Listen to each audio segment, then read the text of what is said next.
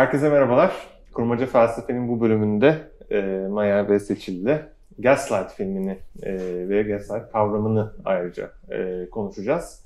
E, Maya önce seninle başlayalım. E, filmden biraz bahsetmek istersen. Tamam başlayalım. E, şimdi Gaslight'ı konuşacağız ama e, bir de parantez içerisinde şey de söyleyeyim. Biraz hani burada felsefi içerik olarak nereye oturtalım dediğimizde aslında Hegel'in köle efendi diyalektiği üzerinden de biraz sonrasında hani konuyu oraya doğru taşıyalım e, diye düşündük zaten. O yüzden o, o bağlamda da e, hani şey yapabiliriz, değerlendirebiliriz diyeceğim sadece. Ama şimdi önce bir Gaslight'la başlayalım dediğim gibi. Gaslight aslında e, 1938 yapımı bir tiyatro oyunundan uyarlanmış sonrasında. 30, 39 diye hatırlıyorum 39. O, o civarlarda 44'te de filme çekilmiş aslında. Ve bir film, e, siyah beyaz bir film bu. E, oradan çıkmış kelimenin kavramı.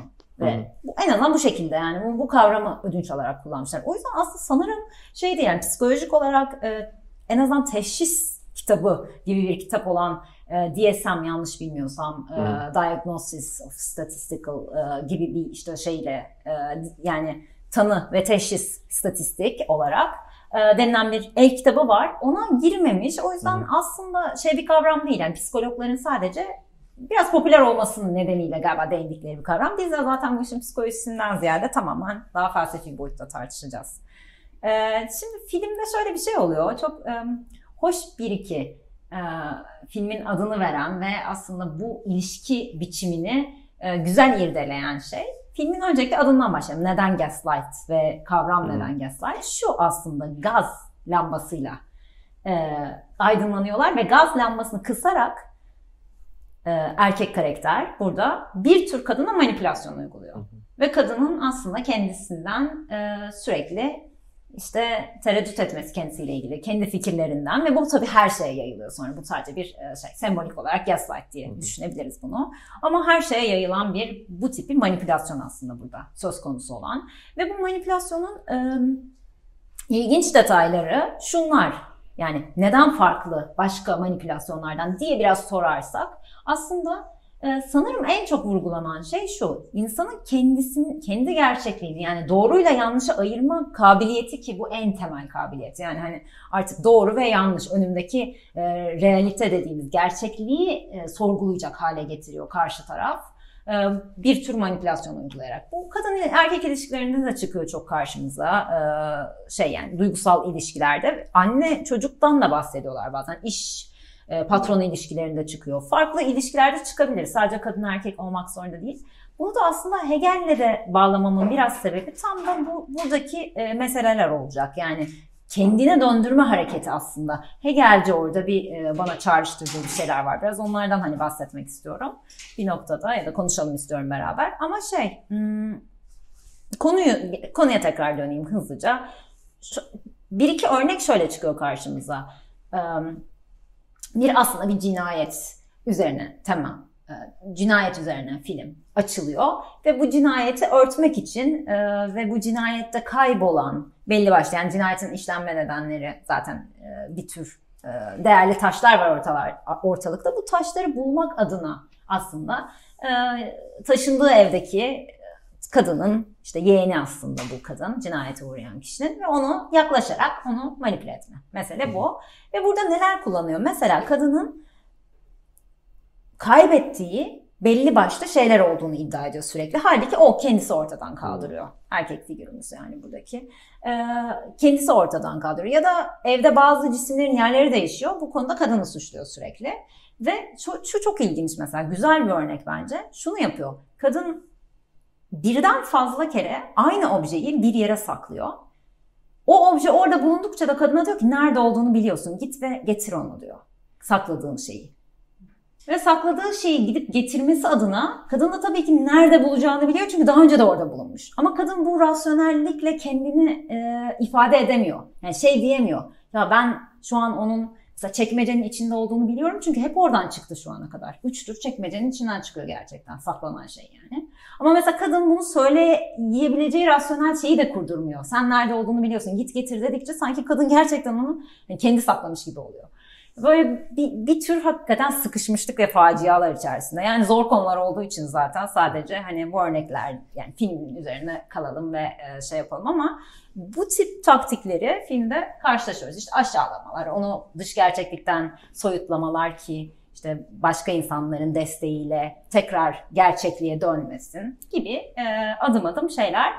Bir, bir son, son bir şey daha söyleyeceğim aslında şeyle ilgili. Kadının sonundaki dönüşümüyle ilgili ama onu Hegel'den sonra istersen bir daha gündeme getirelim.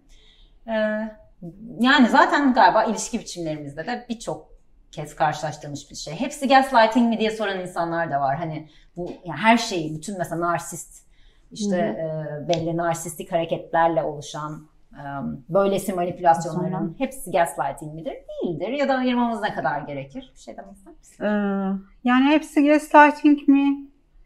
Çok gerekli bir soru mu evet, onu çok bilmiyor, bilmiyor, bilmiyorum onu ama e, sanırım burada şey olan e, hani manipülasyon var ama burada esas e, gaslighting'de vurgulanan şey kişinin kendine dair inancıyla oynamak. Yani kendi akıl sağlığını hmm. kaybettiğini düşünüyor. Yani e, hani manipüle edilebilir, başka bir şey inandığı şeyin dışında bir şeye inandırılabilir bir insan. Manipüle edilebilir ama burada e, kendinden şüphe eder hale e, geliyor ve o e, sanırım e, olayı bu kadar e, nasıl diyeyim? Hmm, Acıklı değil. Acı aynen yapan şey. Yani şey de e, dediğin gibi daha da iyi belki vurgulamak lazım o yüzden onu. Yani kendi gerçekliğin daha doğru, belki daha hani hayata bakışın, işte iliş, şey kurma biçimlerin, neden sonuç bağlantılarını kurma hmm. biçimlerinde aslında senin çok bir sorun yokken karşı taraf onu o kadar sorunlu gösteriyor ki sen belki de başka bir uçta bir şeye de inandırabiliyor seni. Bu da parçası. Şunun için bunu söyledim. Mesela e, şeyde Netflix'te de bu aralar konuşulan bir işte Bad Vegan diye işte hı kötü vegan Hı işte o da bir bir tür hı hı. belgesel gibi biraz gerçek bir hikaye yani. Mesela orada da çok benzer bir şemada kadının ölümsüz yapacağını, kadını ve köpeğini ölümsüz yapacağına inandırıyor. Ve öyle bir artık inanma noktasına geliyor ki kadın hani daha sağduyulu hiçbir şeye inanamaz hale geliyor. Çünkü o, o hikayeye fazlasıyla kapılıyor. Evet yani bunlar zaten birçok yerde de evet, evet karşılaşıyor. Yani buradaki ana temalardan birisi sanki başka birinin e, geri bildiriminden de kısmak değil mi? Yani izole etmekle e, ilişkili. Yani bu açılardan sanki biraz bu işte kültler, e, cemaatler gibi 60'larda Amerika'da olan hani dışı ortama tamamen kapalı, dışarıdan geri bildirime, işte eleştiriye, karşılıklı kontrole tamamen kapalı bir ilişkilenme biçimi yaratma ve onun içerisinde e, bir nevi hapsetme e, gibi bir e, eylem gibi anlıyorum Gaslight'ı burada. Yani burada yapan kişinin motivasyonu üzerine ne söylenebilir? Niçin yapar yani böyle bir, bir insan böyle bir şey mesela? Aynı şeyi ben de oradan girmeyi düşünmüştüm aslında da. Ee, sanırım bir tür iktidar kurma Hı-hı. meselesi. Hı-hı. Yani Hegel'le de oradan Hı-hı. bağlayacaksın diye tahmin Hı-hı. ediyorum. Hı-hı. Ee, yani narsist bireylerde çok gö- gözüken bir şey. Hı hı. Ee, e, çok uyguladıkları bir yöntem. Ee, sanırım evet bir iktidar e, meselesi var orada. Yani evet tahakküm ilişkileri üzerinden. Çünkü e, yani e, filmde aslında öyle değil. E, filmde bayağı e, maddi bir çıkar Hı, söz konusu. Bir Ama dolandırıcılık aynen yani. bir tür dolandırıcılık ve e, güvenilirliğini yitirmesi gibi bir, bir şey. Ama bugün an, e, yani genel sıklıkla kullanıldığı anlamda ille böyle bir e, şey olması gerekmiyor. Maddi bir çıkar olması gerekmiyor. Hatta genellikle manevi duygusal bir zarar veriyor insanlara bu bu tür şeyler. Soyutlanmış hissediyor, kendinden şüphe ediyor. Yani e, buna maruz kalan insan. Evet, öyle. Bir, bir kez daha yani psikoloji, hani psikolojik açıdan zaten ben de öyle bir donanıma sahip olmadığım için öyle şeyler söylemek istemem ama hani narsist e, kişilik bozukluğu dedikleri ve ekstrem hali diye birazcık da değerlendirdikleri şeyde zaten kurbanın e, enerjisinden bir emerek neredeyse bir vampir biraz şeyiyle benzetmesiyle falan hani oradan yararlanmak ve onun aslında ne burada da işte tekrar Hegel bir şey giriyor. Aslında onu bir ayna gibi görüp Yani ayna imajı Hegel'de çok vardır. Şu mesele iki e, bilincin, öz bilinç diyor buna e, aslında ama biz özne de diyebiliriz burada daha hani Hegel illa şeyini e, korumayalım hadi. E, bir öz, iki öznenin karşılaşmasıyla beraber aslında bu iki özne birbirlerine bir tür ayna görevi görüp kendini de aslında o karşındaki özne tarafından belirliyorsun, hmm. tanıyorsun. Çünkü birçok kez daha vurgu yaptığımız gibi programlarda hep hani aslında bir tanımak zaten, tanınmak ya da belirlenmek hep bir karşındakine bir sınırla oluyor. Yani sen bir sınır koyduğunda aslında kendini de tanır hale geliyorsun. Hmm. O sınır seni de belirliyor. Karşıya koyduğun kadar falan gibi. Ve burada da işte aslında bir başkasıyla karşılaşma deneyimi içerisinde o başkası sana bir geri yansıma olanağı sunuyor. Ama bunun çarpık biçimlerinde mesela Hegel bunu işte mutual recognition diyeceği bir yere getirmeye çalışıyor evet. aslında yani, Tinde. Evet, köle efendi zaten sürdürülebilir olmayacak. Değil, Daha değil. işte eşitlerin birbirini tanımasına Tanıması. doğru gidecek. Aynen. Evet, karşılıklı tanınma ilişkisi Türkçesi Hı. de öyle öyleydi galiba. Şimdi geldi bana. Ee, karşılıklı tanınma ilişkisine gitmeden önceki yollar gibi biraz mesela Hegel bunları koymuş ve oralarda aslında aşırı uçları Hegel'de göstermeye ve bunların bir sentezine yani iki aşırı ucun aslında bir tür birleşimine sokmaya hani çalışıyor ilişki biçimine ve burada işte iki uç olarak hemen bir ne çıkıyor karşımıza bir köle ve efendi gibi bir ikilik çıkıyor. Ama tabii şeye dikkat etmek lazım. Yani birçok okuma yapılabilir burada değil mi? Tabii. Hani Hegel'in üzerinden de ve köle efendi dediğimizde aslında daha çok Hegel'in de daha yani e, meseleye getirmek istediği şey aslında e, ne diyebiliriz? Bağımlılık ilişkisi. Hı. Yani bağımlı tarafla bağımsız taraf gibi koyuyor Hegel. Yani aslında bayağı bir dependence, independence hı jargonu içerisinde kullanıyor. Yani bağımlılık, bağımsızlık ilişkisini anlatacağım ben size diyor aslında Hegel burada. Evet. Herhangi bir köleyi, herhangi bir efendiyi tarihin belli bir yerindeki gerçekten bir kölelik ilişkisinden ziyade her insanın hatta kendi içinde bile belki yaşadığı Hı-hı. değil mi? İkiye yarı, yarılma evet. gibi yani bu ilişkiyi anlatmaya da biraz çalışıyor.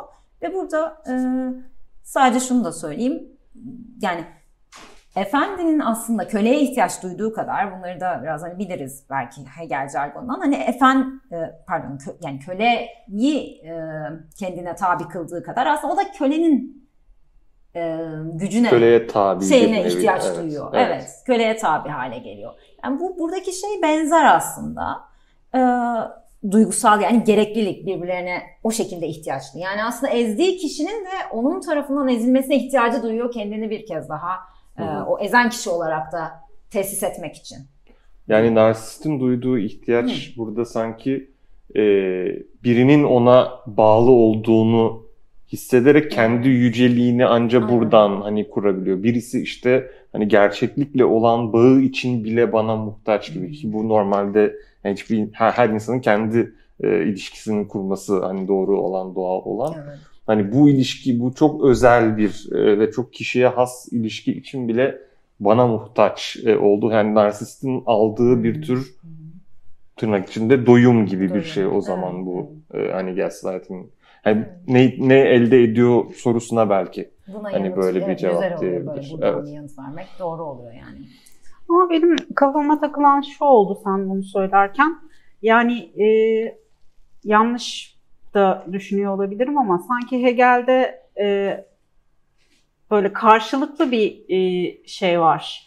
Yani köle de aslında e, e, efendiye bağlı olmak istiyor. Onun da buna ihtiyacı var. Bu durumda yani gaslighting'de manipüle edilenin manipüle edilmeye mi ihtiyacı var? O, o soru kafama takıldı. Çok, çok güzel soru. Zaten aslında çok da güzel topar. Çünkü kafamdaki şey aslında oraya gitmeye çalışıyordum. Gidememiştim.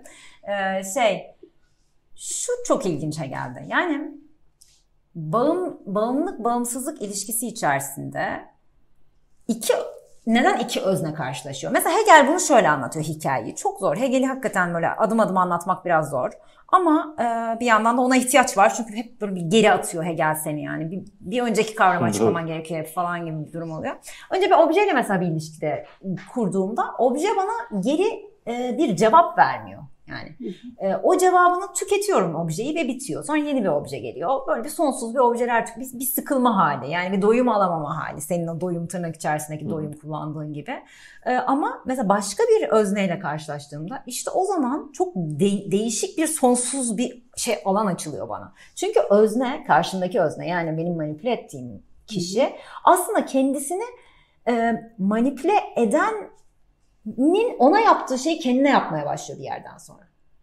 Yani bunu e, olumlayarak söylemiyorum, istiyor demiyorum. Yani Anladım. Hegel de böyle demiyor bence. Hani Evet. köle köle olmak istiyor değil. Ama köle öylesine efendi tarafından sıfırlanıyor ki artık hani neredeyse hani efendi gitsin köle hala kendini hani duvara vurmaya devam ediyor. Hani artık bir ihtiyaç yok yani birinin onu vurmaya vurmasına ihtiyacı yok da kendi kendine vuracak bir mekanizmayı sağlıyor.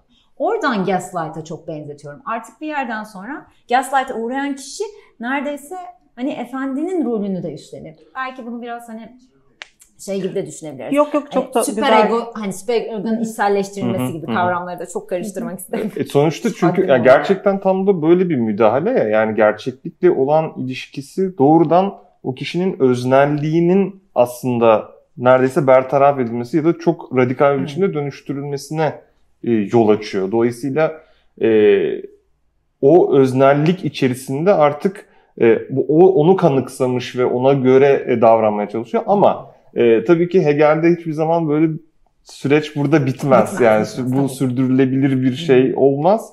Hep bir ileriki Neyse ki. noktaya, e, evet neyse ki öyle olmaz. Bir ileriki noktaya, bir ileriki noktada da aslında e, efendinin e, bağlılığı, muhtaçlığı söz konusu e, açığa çıkacak.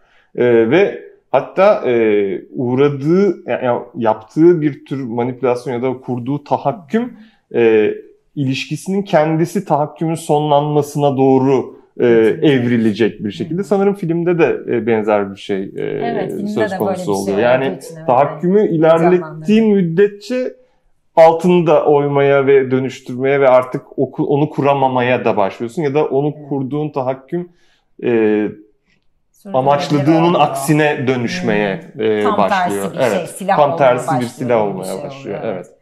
Evet, filmdeki bu gönderme de şuradaydı. E, filmin sonlarında e, işte bütün bu açığa çıkıyor biraz tabii bir, bir sürü etmenin ve unsurun yardımıyla ama son sahne şöyle güzel. E, en son bir hamle yapıyor erkek kadını hala kandırmak için, sürdürmek için ki o da mesela gaslighting'e uygun bir e, hamle. Şey diyor, e, en mutlu olduğumuz o zamanları hatırla. Halbuki işte adamın hani bir katil olduğu ortaya çıkıyor. Adam kadını dolandırmak istiyor. Hala kadını o, o eski hani narratife dediğimiz işte o öyküye çekmeye çalışıyor. Yani hani hatırlıyor musun işte e, Venedik'teydi galiba. Venedik'te ne mutluyduk o günü hatırla gibi böyle bir. Onu hala o e, ha- hikayenin içine sürüklemeye çalışıyor. Ama kadın çok büyük bir orada şeylikle numarayla diyor ki e, tamam seni çözeceğim diyor. Adamın elleri bağlı adam çözdürmeye çalışıyor kendini. Bıçağı şuraya koymuştum diyor. Alırmış gibi yapıyor bu bıçağı elinde bir bıçak yok. İşte hemen çözüyorum diyor ama diyor bıçağı almadın. Aldım ya elimde işte gibi böyle bir tamamen kendi deliliğini yani öyle bir son noktasına götürüyor ki adama artık yardım edemeyecek kadar deli bir halle e, adamı kendi silahıyla vuruyor değil.